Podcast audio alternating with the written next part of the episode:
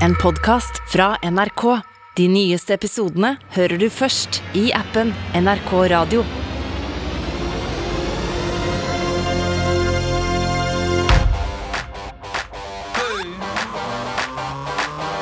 Popkorn over politikk med Sean Henrik Matheson.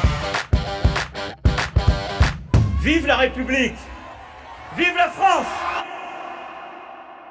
Han har blitt beskyldt for å spille høyt, Emmanuel Macron, og at fallhøyden kan bli stor. Falt han? Eller er han i ferd med å snuble? Han leder på målingene, men ingenting er sikkert, og vi har sett det før. To ord. And we will make America great again Tonight, we are leaving the European Union. Trump. Brexit. Er det det legendariske franske egoet vi har sett de siste månedene? Eh, Og i så fall, hva er egentlig det franske egoet? Ja, Et eksempel kan kanskje være gamle Francois Mitterrand. Han som var president samtidig som Ronald Reagan. På store internasjonale møter er det tradisjon for at den mektigste ankommer sist. Og den mektigste, God bless the United States of America. Det er USA. Men Mitterrand han ville det annerledes. Han utsatte og utsatte og utsatte sin ankomst, slik at han alltid kom sist. Det er et bra ego. Dette ble forresten Ronald Reagan så lei av at han ved en anledning under et toppmøte i Tokyo beordret hele konvoien sin til å stanse. Midt i veien for å vente til at Mitterrand skulle komme seg til møtet.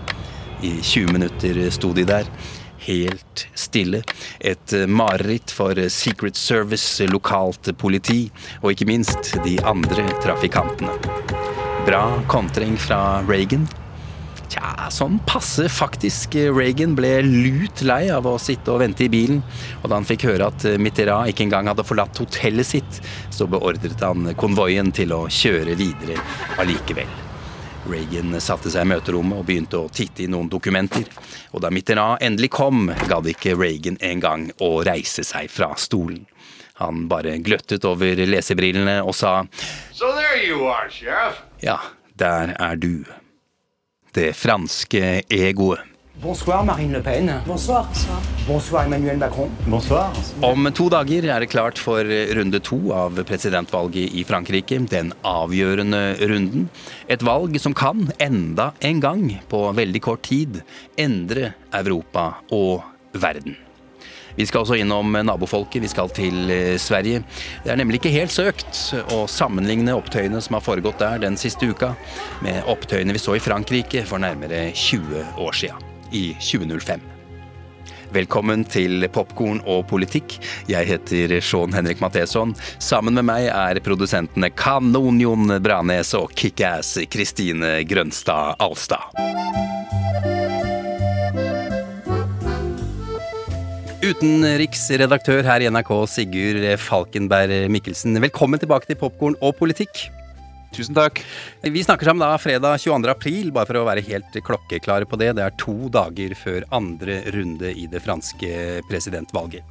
Eh, Som vi vet, eh, krigen raser videre i Ukraina. Putin og hans hær har nå fokusert kampen om Øst-Ukraina. Vi skal se på det som skjer utenfor eh, Ukraina i dag, men allikevel noe som er veldig viktig for det som skjer i Europa. Vi skal til Frankrike.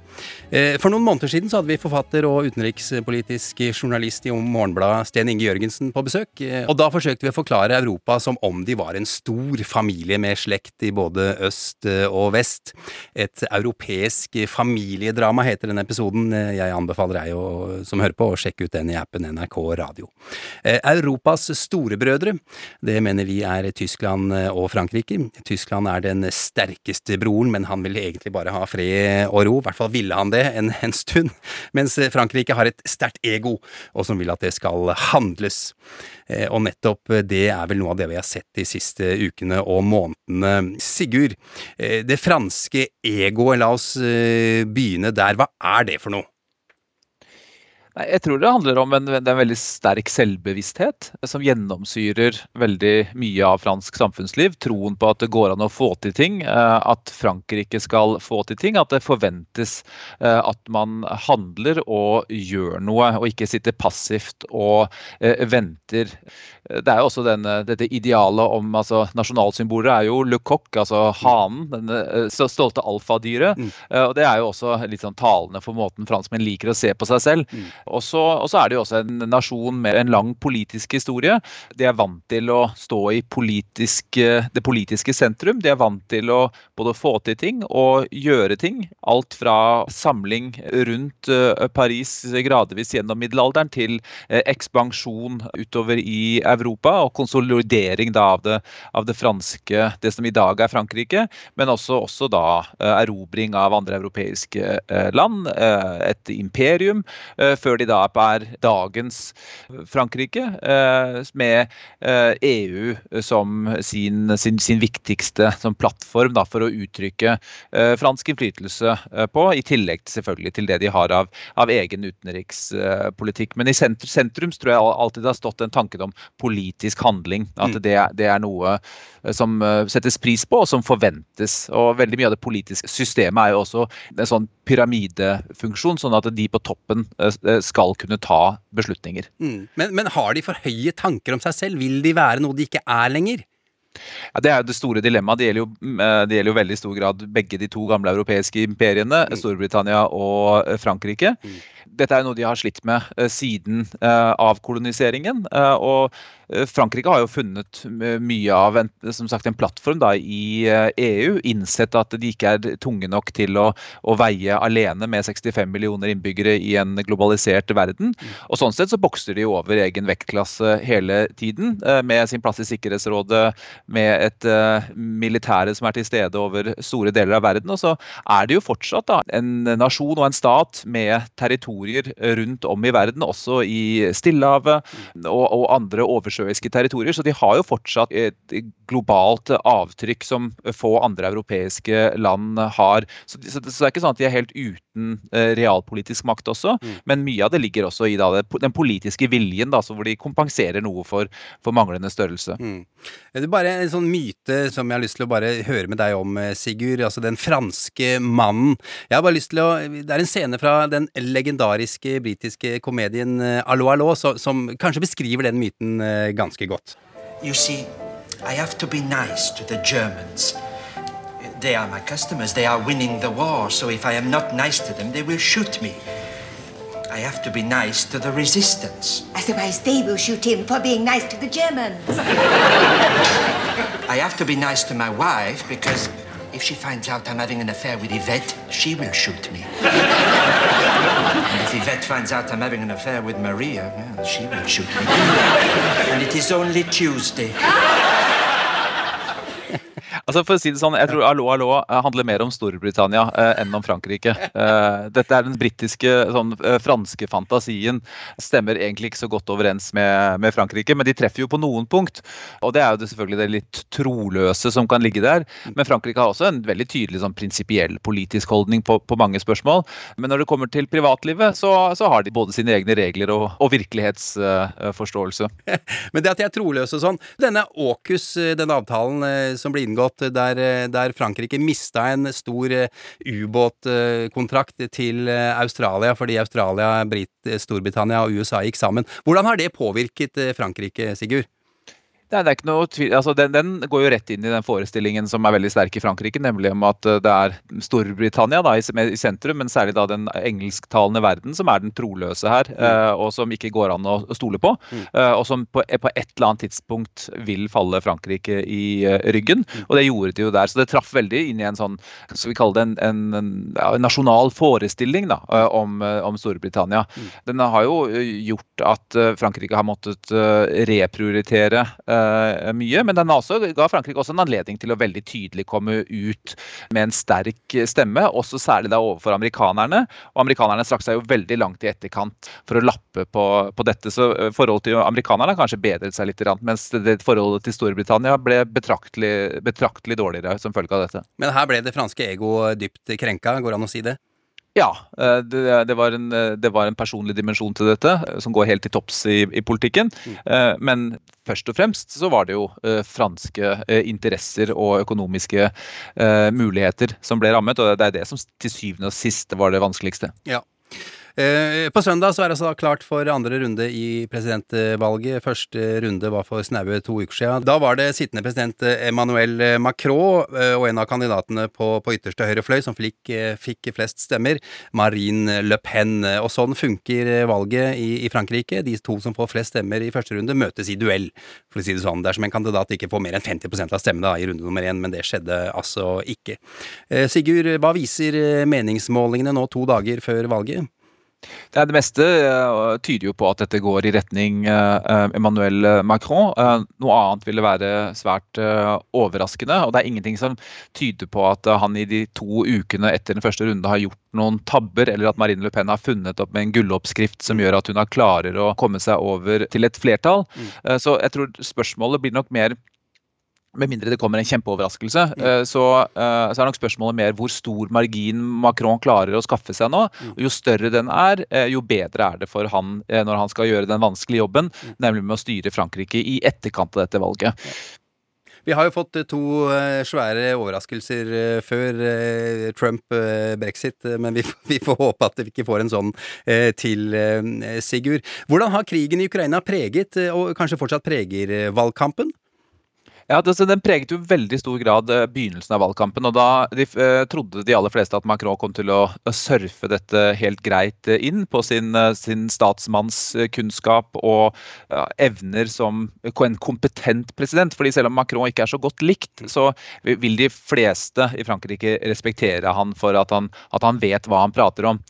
Men så var det et stemningsskifte sånn eh, to-tre uker før første runde i presidentvalgkampen, hvor kjøpekraft bygget seg opp som det store, eh, det store temaet. Og Der har Marine Le Pen vært smart. Hun har reist mye rundt, eh, snakket med folk og på en måte blir et i veldig stor grad tok opp i seg folks misnøye. Det er jo dyrtid i Europa, og det, det merker man i land som ikke har en stor og fet oljeformue å tære på. Da går det utover vanlige folk. Så det ble, det ble et stort tema som uh, Marine Le Pen gjorde det godt på, og også uh, Jean-Luc Mélenchon, som er den, den venstrekandidaten, mm. uh, som jo var pusta Marine Le Pen veldig tett i nakken på, på, slutten. Og vi kunne jo fått en helt annen valgkamp og andre runde hvis han hadde fått noe flere stemmer. Det var ikke så mange det sto om. og Det ville endret det politiske samtalen og Frankrike, tror jeg, for, for lang tid hvis han hadde gått videre. Så det er nå det. Men vi så jo Ukraina dukket opp igjen i presidentvalgkampen i denne debatten, hvor uh, Emmanuel Macron kjørte Marine Le Pen veldig hardt uh, og tydelig uh, på både hennes bånd til, til, Russland. Hun har lånt er det 10 millioner euro mm. i en russisk bank.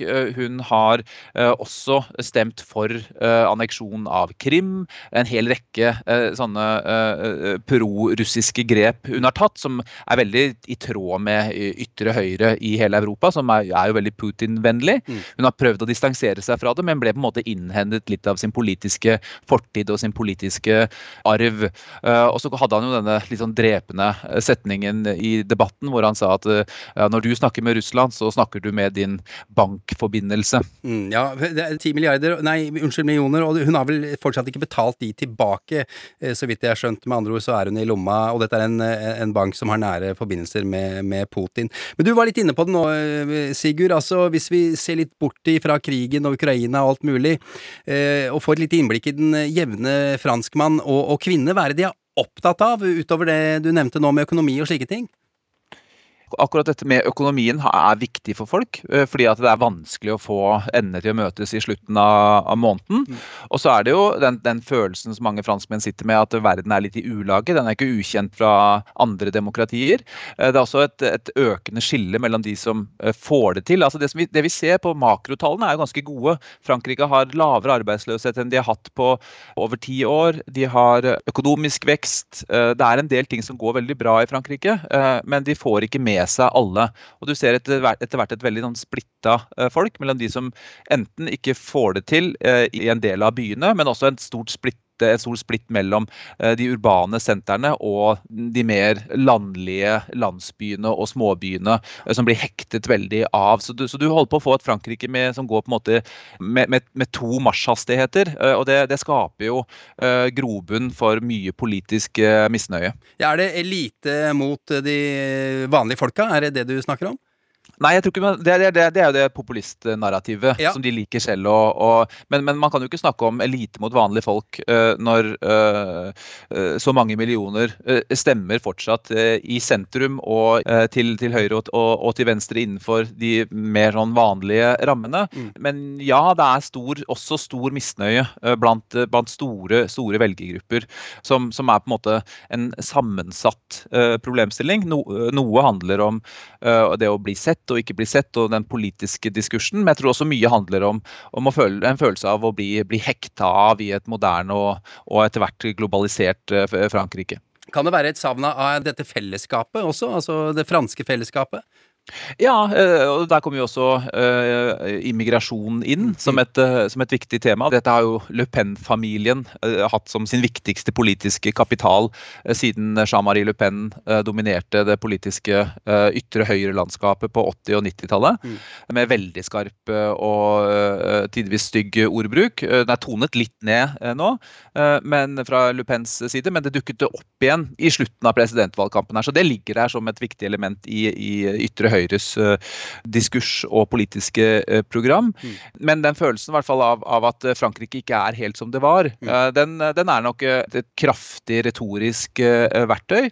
Samtidig som da veldig mange av de institusjonene som franskmennene liker og er stolte av, fortsatt består. Så det er en sånn spenning der de liker f.eks. ikke Macron så godt, samtidig som de også vil ha en president som er handlekraftig. Så, så det, er, det, er, ikke nødvendigvis så lett å få det til for en fransk president. Og så er det, er det et viktig punkt at franskmenn er jo De liker liker jo å ytre kritikk mot egne politikere. Mm. Uh, og det å bli gjenvalgt som fransk president er nesten, om ikke umulig, så er det fryktelig vanskelig. Mm. De aller færreste franske politikere klarer å bli gjenvalgt som eh, president. Det skal veldig mye til for å få til det. Mitterrand har klart det, men da hadde han et høyreparlament mot seg, f.eks. Så det er, det er en del sånne dynamikker som har gjort at for Macron også er krevende, selv om han da har, har, har ytre høyre som motstander. Hvordan har den jevne franskmann det, Sigurd? inn mot valget så, så, så, pleier franskmenn å være ekstremt opptatt av politikk. Uh, mitt inntrykk er at det fenger noe mindre denne gangen. At uh, valgkampen har vært litt uh, har liksom ikke kommet ordentlig i gang før de siste, siste par ukene. Mm. Jeg tror nok at vi kommer til å se en, heller en, en del politisk uro også etter etter dette presidentvalget. fordi at eh, Selv om Macron etter alt å dømme vinner valget, så blir ikke dette noen sånn definitiv seier for Macron. Eh, han kommer til å måtte kjempe politisk for å få et flertall i parlamentet. Eh, og Jeg tror, jeg tror vi kan se en del uro framover som han, han, må prøve å, å håndtere. Ok. Hva er det det skrives om i, og snakkes om i, i fransk media? Det kommer jo litt an på hvilke kanaler du ser på. Altså Det som har skjedd uh, i Frankrike, er jo at vi har fått et, et litt annet medielandskap. Det minner litt om det amerikanske, med, med en del kanaler som uh, har talkshows med veldig sånn, skarpe meningsutvekslinger, som jo på en måte bredde grunnen for Erik Semour, denne ytre høyrekandidaten som er enda mer ekstrem enn Marine Le Pen. Mm. Så, så den, den, type veldig sånn uforsonlig politisk uh, debatt det, har det vært, vært mye av. mens de mer tradisjonelle avisene uh, skriver uh, jo om uh, den innspurten som, som, går. Franskmenn er jo de aller fleste, fleste er jo politiske dyr, så, så de, de, liker jo disse dagene inn mot den siste, siste runden. Og tradisjonelt sett så er det høy, høy valgdeltakelse. Mens de tradisjonelle avisene er jo opptatt av at Marine Le Pen f.eks. gjorde igjen da, en forholdsvis dårlig debatt mot uh, Macron. At hun mm. falt igjennom uh, på, de, på, de, viktige punktene, og at hun kanskje også fikk fram noe av uh, den mer ekstremhøyredelen av valgprogrammet som hun har prøvd å tone ned fram til nå.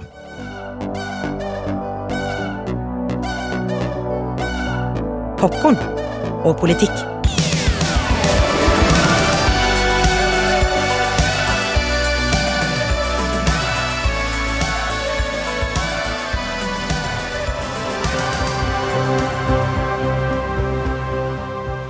Det ikke sånn at eh, franskmenn eh, ser på Frankrike som et eh, mye viktigere land i verden enn det andre gjør?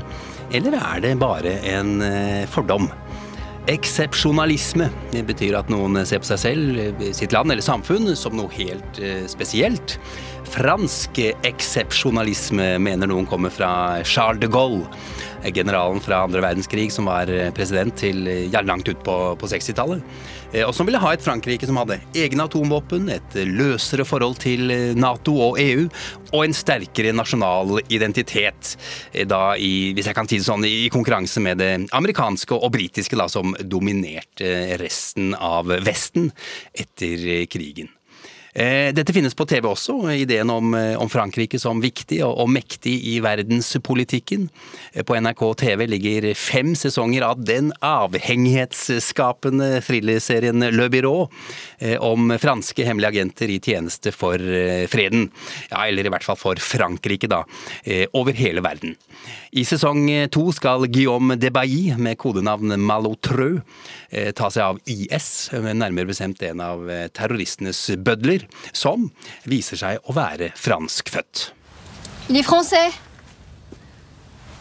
Le bourreau, il est français. Og når Malotreux får vite at det er en franskmann han skal finne, ja, det er ikke ankomsten i Syria eller Irak som er neste scene. Det er møtet som Etterretningstjenestens ledelse har på video med presidenten. Alle skal med. Monsieur le président de la République. Bonjour, messieurs. Bonjour, monsieur le président. Bonjour, Pierre. Ja, for Le Byrå er ganske stillestående til agentserie å være. Til og med dvelende noen ganger, med, med lange samtaler og, og, langsom framdrift. Men den er hypnotisk på sitt beste. Og det kan være fordi manus til alle sesongene er basert på intervjuer med, med virkelighetens franske agenter.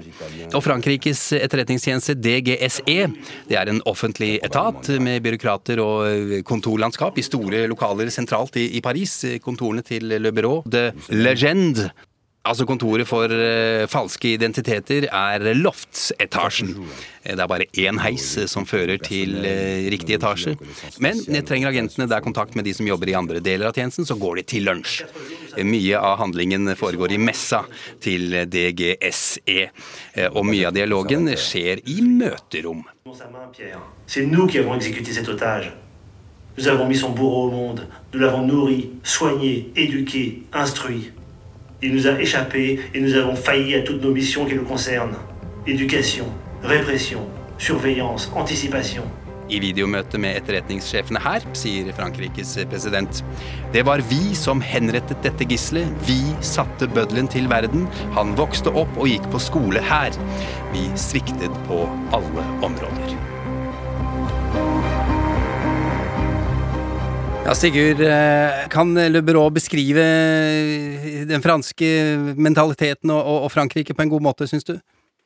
Jeg syns det er en utrolig god serie. Og den er jo ganske nedpå. Og det er jo også litt sånn sjelden, for franskmenn er jo ikke så glad i den type sånn eh, kraftpatriotisme som amerikanerne driver med på film. Han som spiller Malotro her, altså Mathieu Kassowitz, er jo også en veldig sånn samfunnskritisk eh, person.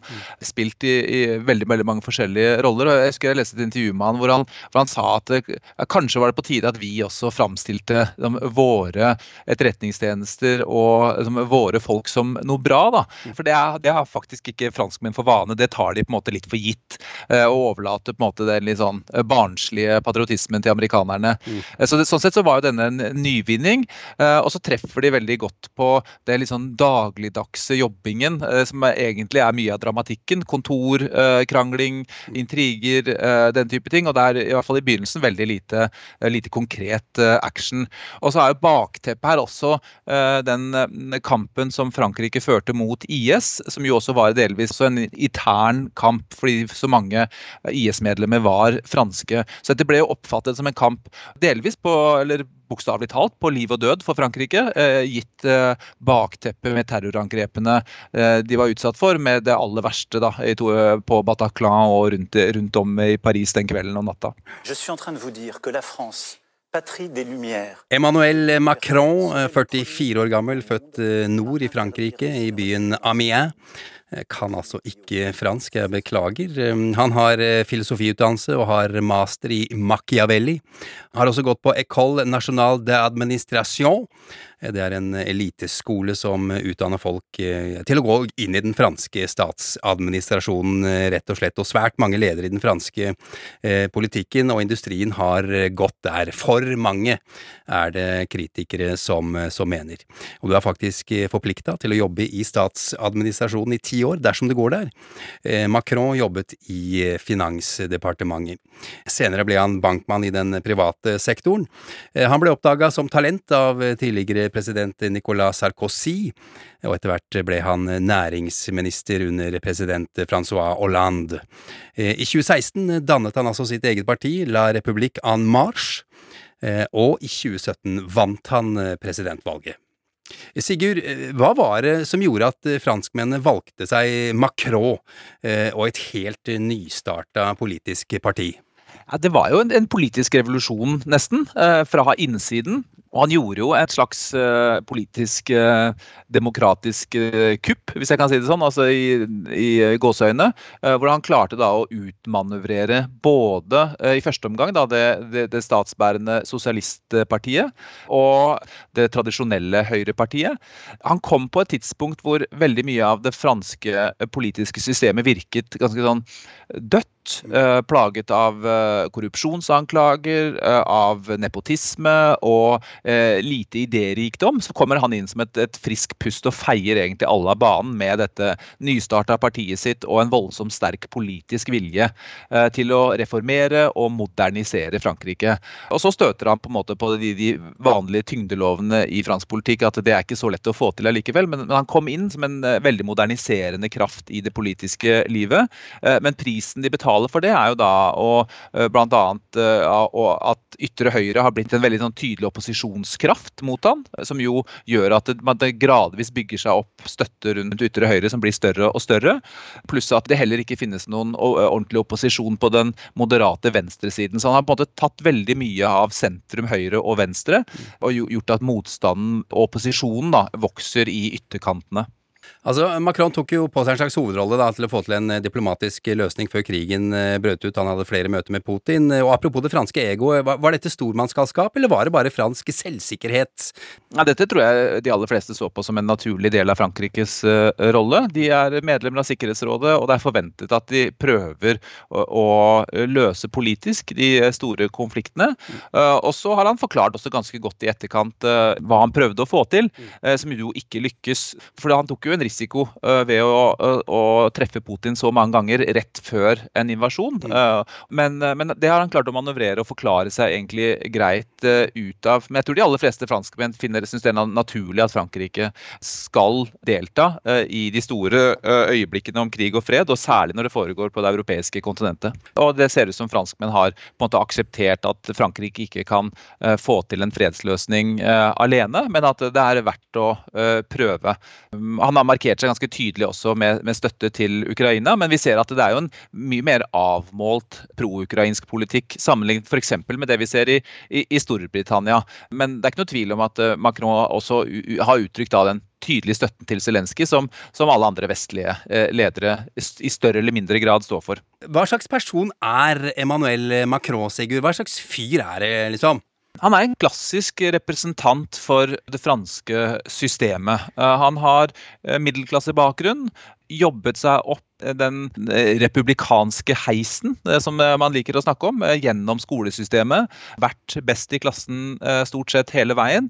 Skiller seg ut da fra mange av hans medelever opp igjennom, som har riktignok hatt ambisjoner, men som ikke har på en måte de totale ambisjonene han har hatt.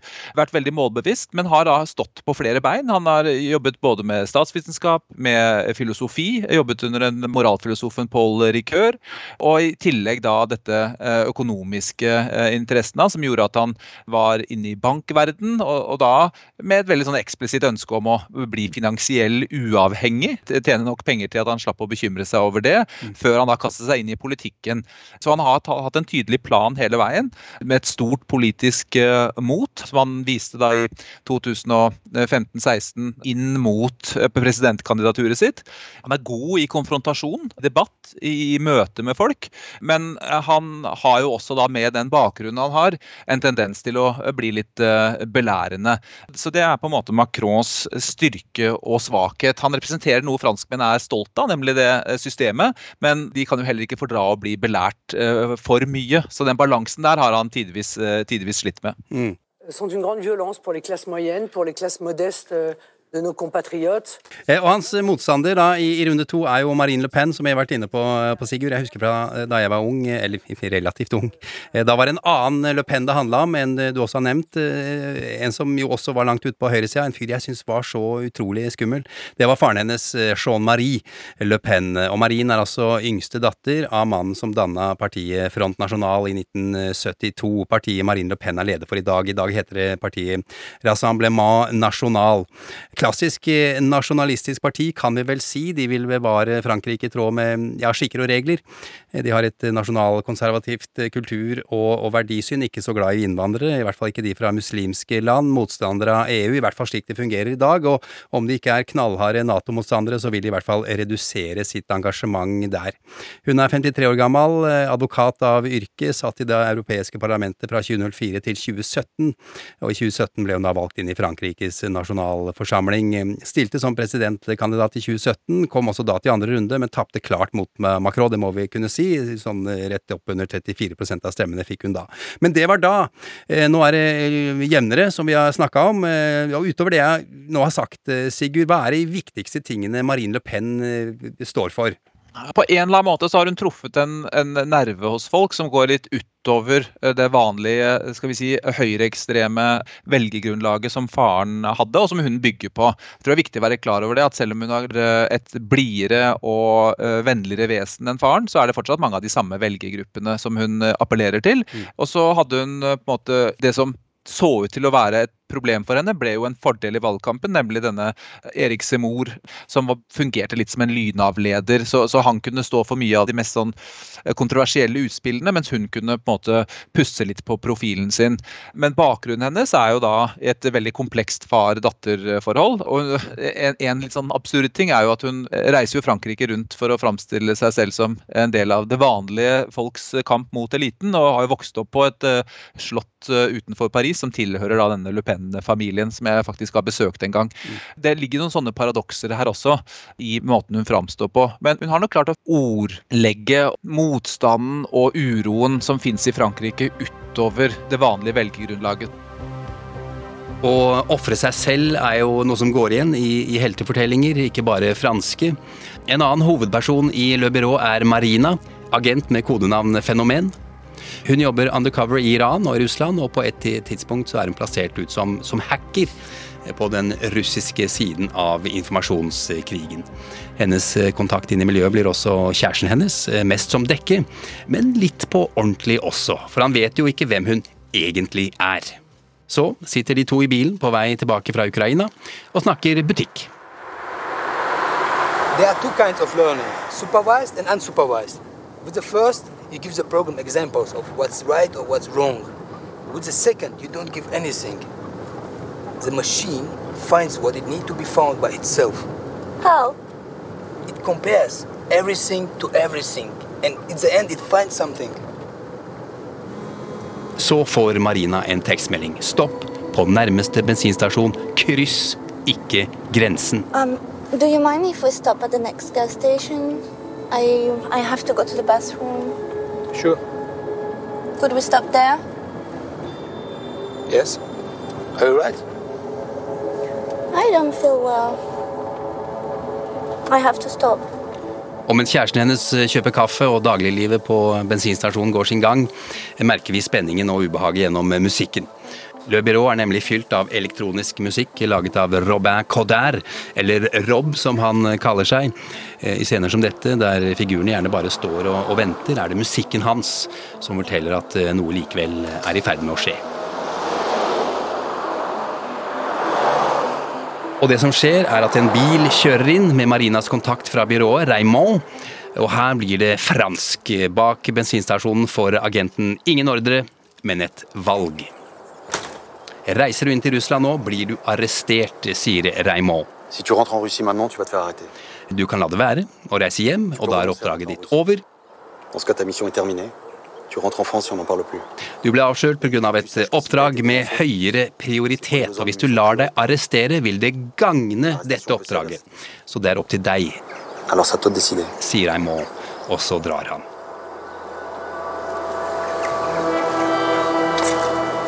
Mens Marina må bestemme seg, russisk fengsel for en sak hun ikke vet om, eller hjem på kontoret i Paris.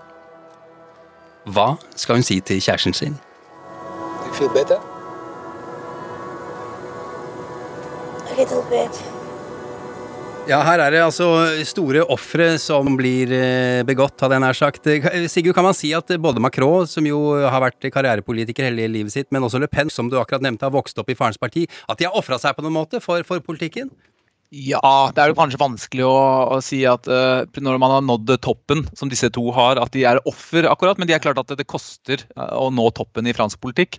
Uh, så det ligger helt sikkert en, en fortid der som, som også har vært ubehagelig for begge to. Det er jo en voldsom kamp, særlig da i sluttfasen av den, eller toppen av den franske pyramiden, med mange sterke personligheter rundt seg.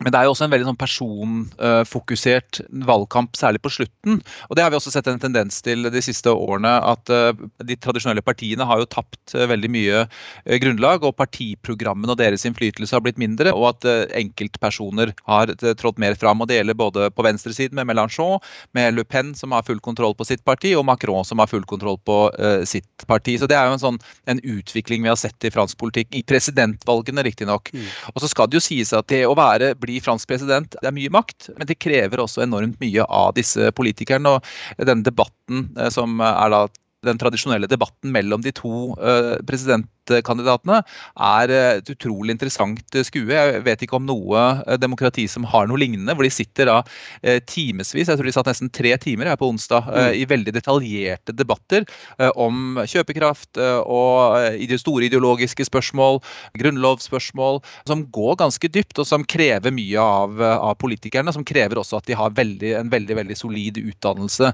Og Der kommer nok Marine Le Pen stadig til kort, og det er ikke så lett for henne å bare kontre med eliten som hun og Frankrike skal bli overkjørt av. fordi at man forventer jo også av en fransk president at han eller hun skal styre landet på en skikkelig måte. Ja, Nå har vi nevnt debatten et par ganger her, Sigurd. Hva er din opplevelse av den? Hvem vant, for å si det veldig enkelt? Det var i hvert fall ikke sånn at Marine Le Pen vant. Hun kom på defensiven, prøvde på en måte å fortsette litt av den valgkampstilen hun har hatt, med å være rund i kantene, prøve å framstille seg som en statskvinne. Mindre aggressiv enn sist gang, hvor hun jo tapte så det sang, og det var veldig tydelig for folk at dette ikke kom til å gå. Og hun tapte jo også katastrofalt på meningsmålingene på slutten, og, og tapte vel en sånn 5-6 oppslutning bare på den debatten. Mm. Så ille gikk det ikke denne gangen, men jeg synes det som var interessant, var i hvert fall et par ting, var at uh, Macron valgte en litt mer offensiv holdning, med fare da for å framstå som arrogant. Mm. Men jeg syns over tid så slet det Marine Le Pen litt ut. Uh, og så kom de også litt nærmere kanskje noe av kjernen og noe av de grunnleggende problemene med Marine Le Pens presidentkandidatur, som ikke har vært like mye framme, som handler om hennes tanker om demokrati, hvordan det bryter med fransk politisk tradisjon.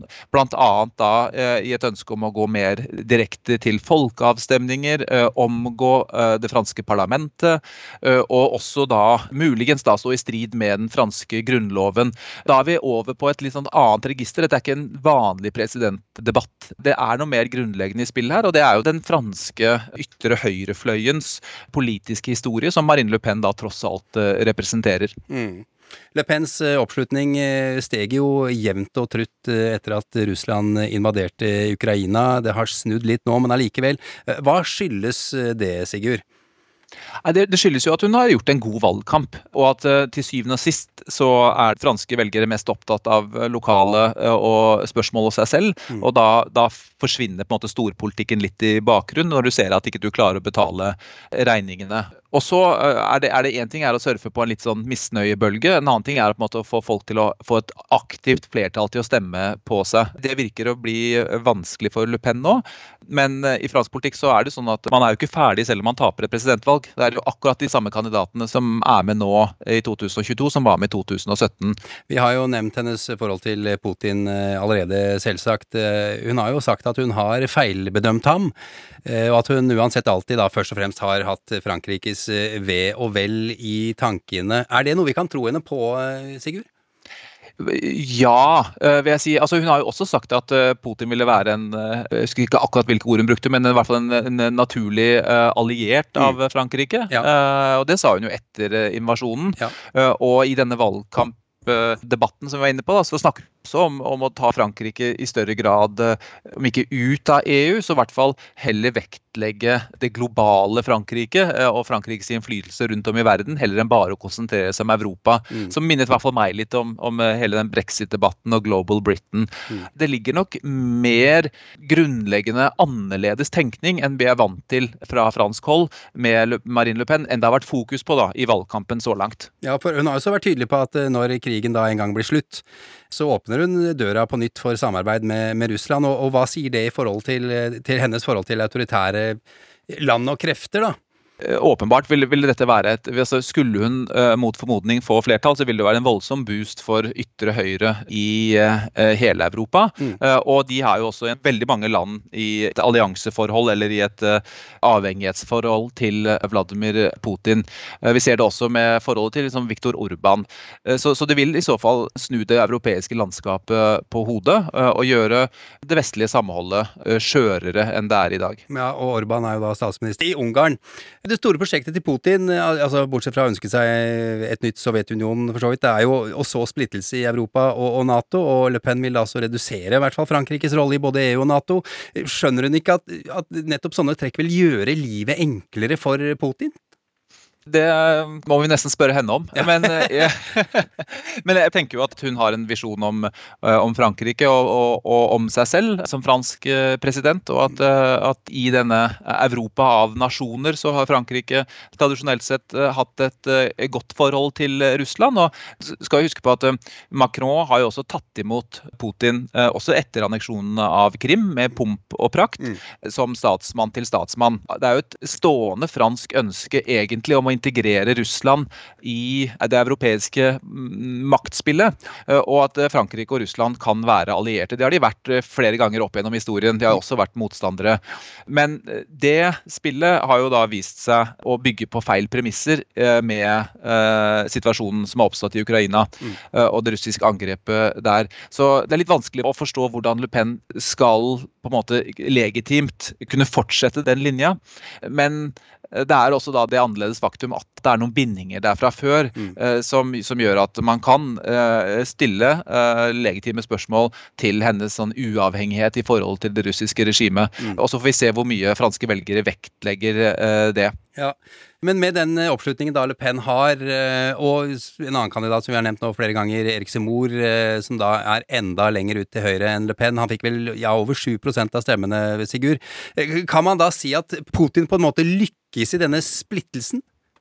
Ja, men dette er ikke et Putin-prosjekt. Dette er et, eh, i veldig stor grad eh, et fransk eh, problem og en fransk utfordring. Når, når en tredjedel av velgerne stemmer på et høyreekstremt parti, mm. så sier det noe om et politisk system som er i ulage, eller i hvert fall peker i en annen politisk retning enn det, enn det Frankrike som vi er vant til.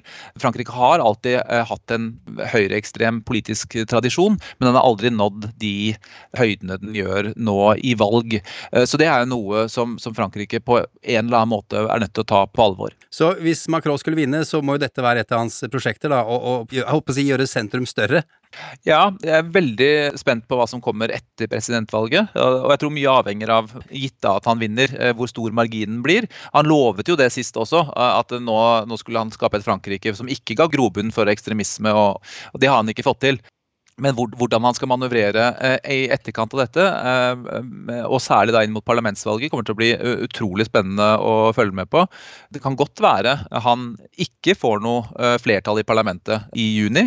Det avhenger veldig tror jeg, av hvordan de neste, neste ukene og, og, og, månedene går. og Da får vi i så fall en helt veldig en annen type politisk dynamikk.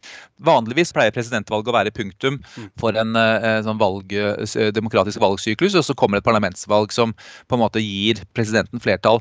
Jeg tror ikke vi er i en sånn logikk denne gangen, men vi får se hvordan det går på søndag først, før vi konkluderer. Ja, Men hva skjer da? Altså Hvis han ikke får parlamentet med seg, hva, hva slags situasjon er vi i da? Da får vi det som på fransk kalles en cohabitation, altså et samboerskap. Det har vi hatt ved to anledninger tidligere. Da med Chirac som, som president og, og, Lionel Jospin som eh, sosialistpartiets statsminister. Og så hadde var Chirac statsminister med Mitterrand som president fra 86 til 88. Da blir den franske konstitusjonen satt mer i verk. Frankrike har jo da et presidentsystem med veldig mye makt hos presidenten, men også en delt makt til parlamentet. Når presidenten sitt parti har flertall i parlamentet, så samles i praksis nesten all makt i Élysée-palasset. Men når det er motsatt, så vil presidenten ha mye større problemer med å gjennomføre særlig innenrikspolitikk. Den ligger i veldig stor grad i, i nasjonalforsamlingen. Så da får, vi, da får, vi, en helt, helt annen dynamikk, hvor Macron kommer til å måtte konsentrere seg i større grad om utenrikspolitikken. Og så vil mye av innenrikspolitikken bli en, delvis en kamp med nasjonalforsamlingen, men hvor også da statsministeren har, har mye makt. Så da vil det være en helt annen politisk situasjon enn det vi har hatt i Frankrike. Det ligner litt på hvordan det er i USA, da, når presidenten ikke har flertall i Senatet eller flertall i Representantenes hus, litt sånn ettersom? Ja, bortsett fra at uh, da er på en måte dette halvpresident systemet i Frankrike. Da, da, svinger balansen litt over til en slags, om ikke parlamentarisme, så i hvert fall ligger det mer makt i det franske parlamentet til å gjennomføre politikk. Og da, da vil statsministeren ha en helt annen uh, rolle enn det han har nå, hvor han bare gjennomfører den politikken som kommer fra presidenten. Da vil statsministeren ha en egen politisk agenda. Uh, det vil bli mye mer konflikt uh, i, i, det, i det franske politiske systemet for gjennomføringen av den politikken.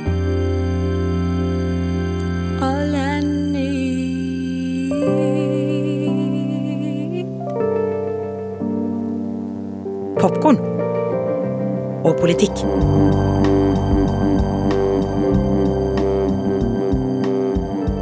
Hvis vi kan spekulere litt, Sigurd, på Le Pen dersom hun skulle vinne. Hvilke konsekvenser vil det få for EU da først, hvis vi begynner der? Da vil vi se en uh, altså Hun har jo tonet ned denne tanken om å melde seg ut uh, av EU. Uh, men det er helt tydelig at hun ønsker å stikke så mange kjepper i hjulene for det samarbeidet som mulig, nesten. Og vi vil se en situasjon som EU har med Ungarn og Polen. Og så vil vi få en åpen konfrontasjon på EU og EU-lover kontra franske lover, fordi hun ønsker å innføre en lov som uh, gir uh, fordel uh, franske statsborgere til en del, en del tjenester og ytelser fra staten, som i dag er regulert fra europeisk hold. Så vi vil komme til å se en, en, en veldig stor grad av konfrontasjon, og det blir noe helt annet når den kommer fra Paris heller enn en fra Budapest eller Warszawa.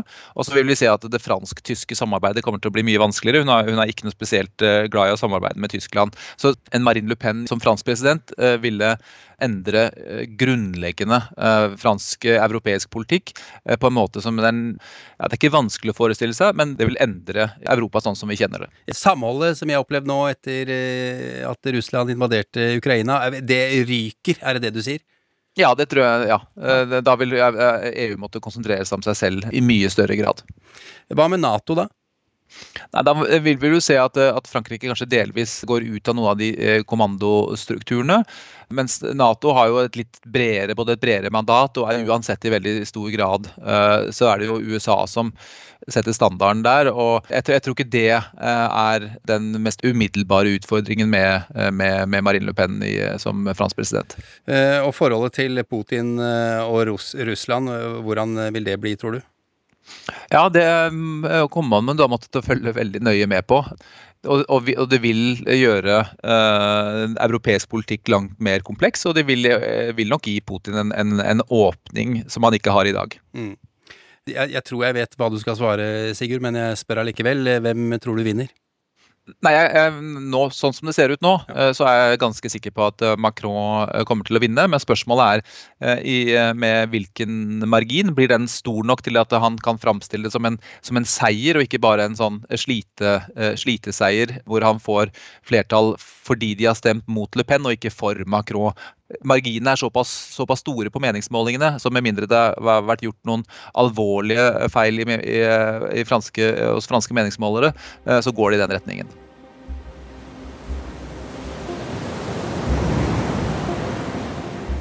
Tilbake til Le Byrå og de franske agentene. Sesong fire starter med et avhør. Den unge Jonas er ikke lenger dataekspert for Etterretningstjenesten. Nå er han agent. Og han er i en fangeleir i Eskenderun lengst sørøst i Tyrkia, men er grensen til eh, Syria. Her får han avhøre en fange i jakten på islamistiske terrorister som er gått under jorden i Frankrike. I work for the French government. Nice to meet you. If you don't mind, I have a question to ask you.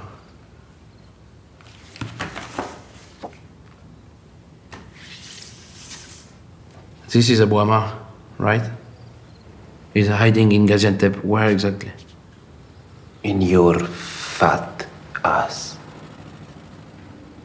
I know you know where he is. You will tell me. It's just a question of time. Det er bare ett spørsmål om når, sier Jonas til fangen, som åpenbart er mishandla av det tyrkiske militæret. Trusselen henger i lufta, men den er mer eh, tyrkisk enn fransk i denne scenen. Eh, Frankrike torturerer ikke, eh, i hvert fall ikke selv. I Le Byrå er Frankrike de gode, de edle, eh, selv om vi ofte ser at uh, hensikten helliger middelet. DGSE går ikke av veien for å utnytte andres ondskap. Samtidig så handler det om kjærlighet, vennskap og ære. Det er jo veldig fransk. Det kan gå på tvers av plikten også, og derfor havner vår hovedperson Malotrø i eksil i Russland i dekning for den franske etterretningen. Her møter han enken etter den russiske agenten som reddet livet hans hos IS noen måneder før. Your husband saved my life. Before he died, he told me his name. He talked about you. He wanted me to come and to tell you. But if you don't want to know, I understand. Is it because of you he died?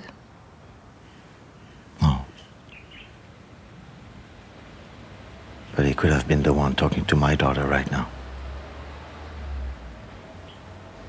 I'd rather you had died. I know. Ja, her ligger noe av appellen til Le Bureau. De er mennesker, de det handler om. Svake og sterke. Eh, og slett ikke alltid herrer over egen skjebne.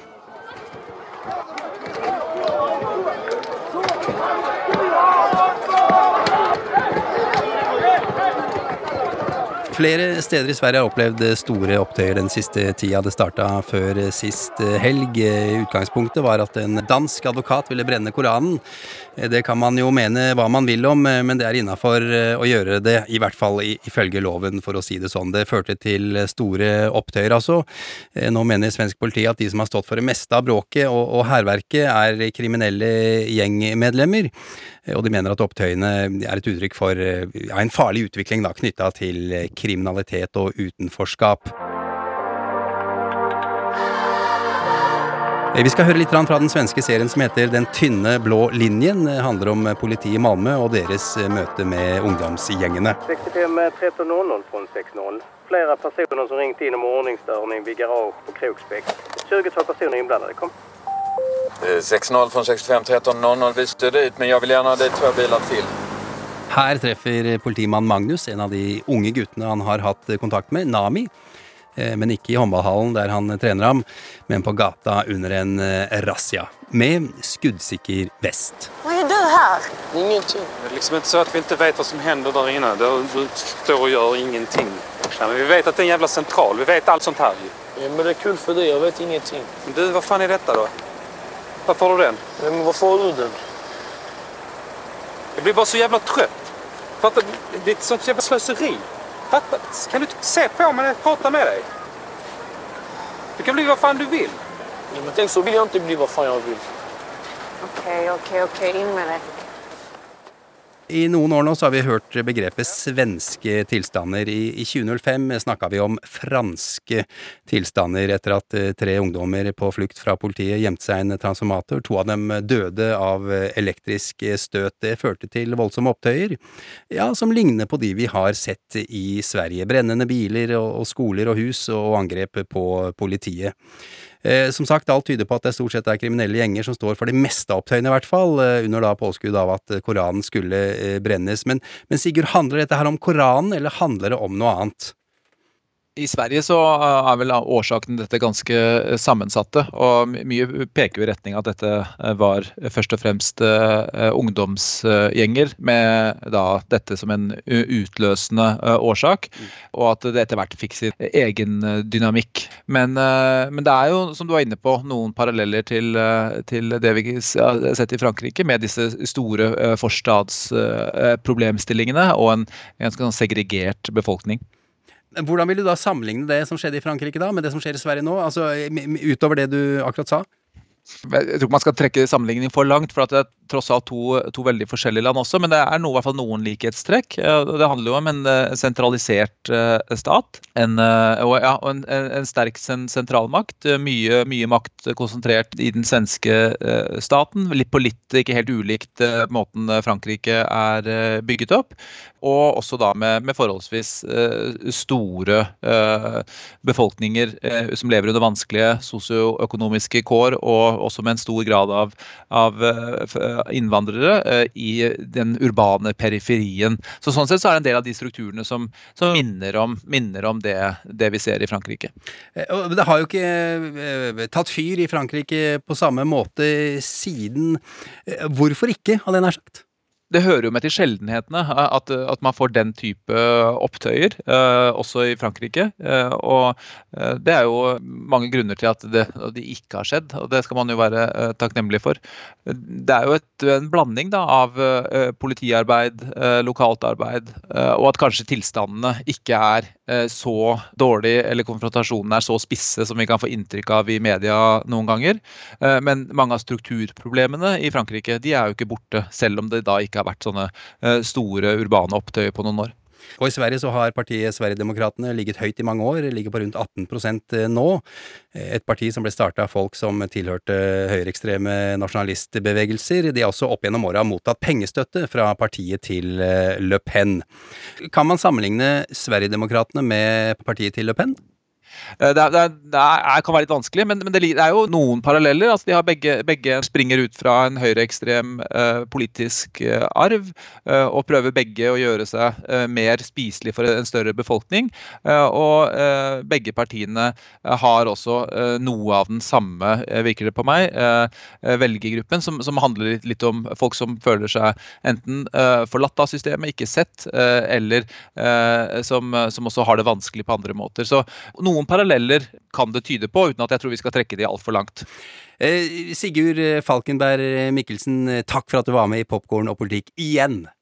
Det var en glede. Nå for tida, ja, jeg tar det jeg får, jeg. Og i dag fikk jeg litt håp håp om at Europa ikke går på enda en eh, smell. Jeg hører at det er et litt lettvint begrep å bruke om krigen i Ukraina. Eh, sikkert også om en eh, Marine Le Pen-seier, dersom vi skulle havne der, men uansett, i dag steg håpet om at akkurat det ikke kommer til å skje. Jeg skjønte jo på Sigurd at jo større seier Macron får, jo bedre er det, men det viktigste må jo tross alt være at han vinner. Jo, jeg sier det rett ut. Jeg tipper at du ikke blir overraska over det. Nå er dette en podkast der vi snakker om de autoritære kreftene rundt omkring i verden, og det er krefter vi her i Popkorn og politikk ikke liker. Vi vil ikke ha det. Ferdig prata. Eh, og så får vi håpe da at dersom han vinner, at han i denne presidentperioden klarer å samle folk i større grad enn det han klarte i det som blir da hans forrige periode at fordelingene blir mer rettferdige, at alle blir hørt, at ytterpunktene, om det er på venstre eller høyre side, blir eh, svakere. Eh, kan vi ikke bare alle være venner, liksom? For en ting å si, men du skjønner hva jeg mener. Jo da, det er eh, lov å håpe. Som sagt, jeg tar det jeg får for tida. Anbefal oss til eh, de du kjenner, og du kjenner eh, mange. Eh, Hva er det franskmenn hører på av musikk sånn i, valgkampinnspurten? Jo, denne som topper eh, listene for tida. Dette her er Disease La Peste sammen med Damso. Låta heter Rencontre. Ma langue sans le cannabis, je fais un cuni, m'avance, je le mis des doigts avec lequel j'ai effrité ma bœuf. Effrité ma bœuf. Et puis de toute façon, la vie n'est pas faite pour durer que trop sous le ton, car le pétard est allumé, j'attends les cieux. J'attends les cieux. Mais moi je suis heureux.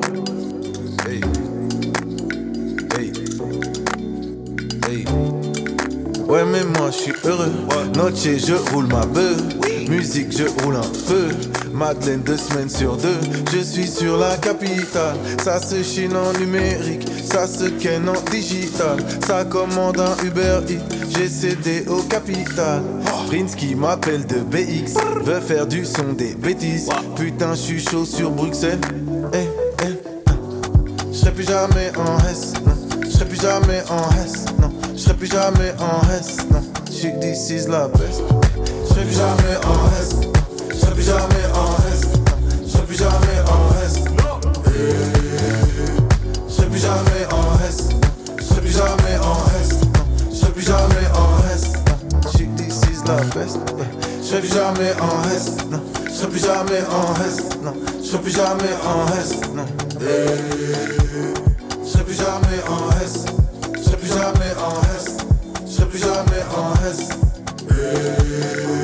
Du har hørt en podkast fra NRK. De nyeste episodene hører du først i appen NRK Radio.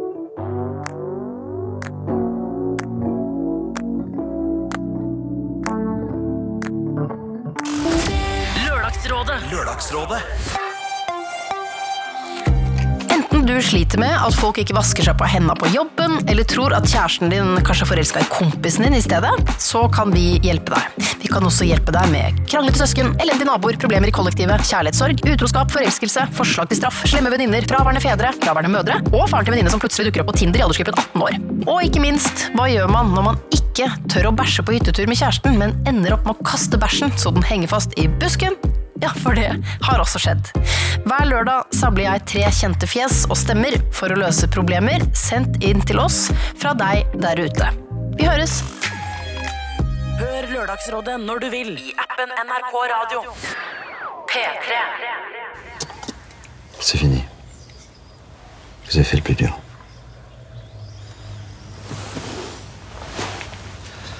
La prochaine fois, ce sera plus facile.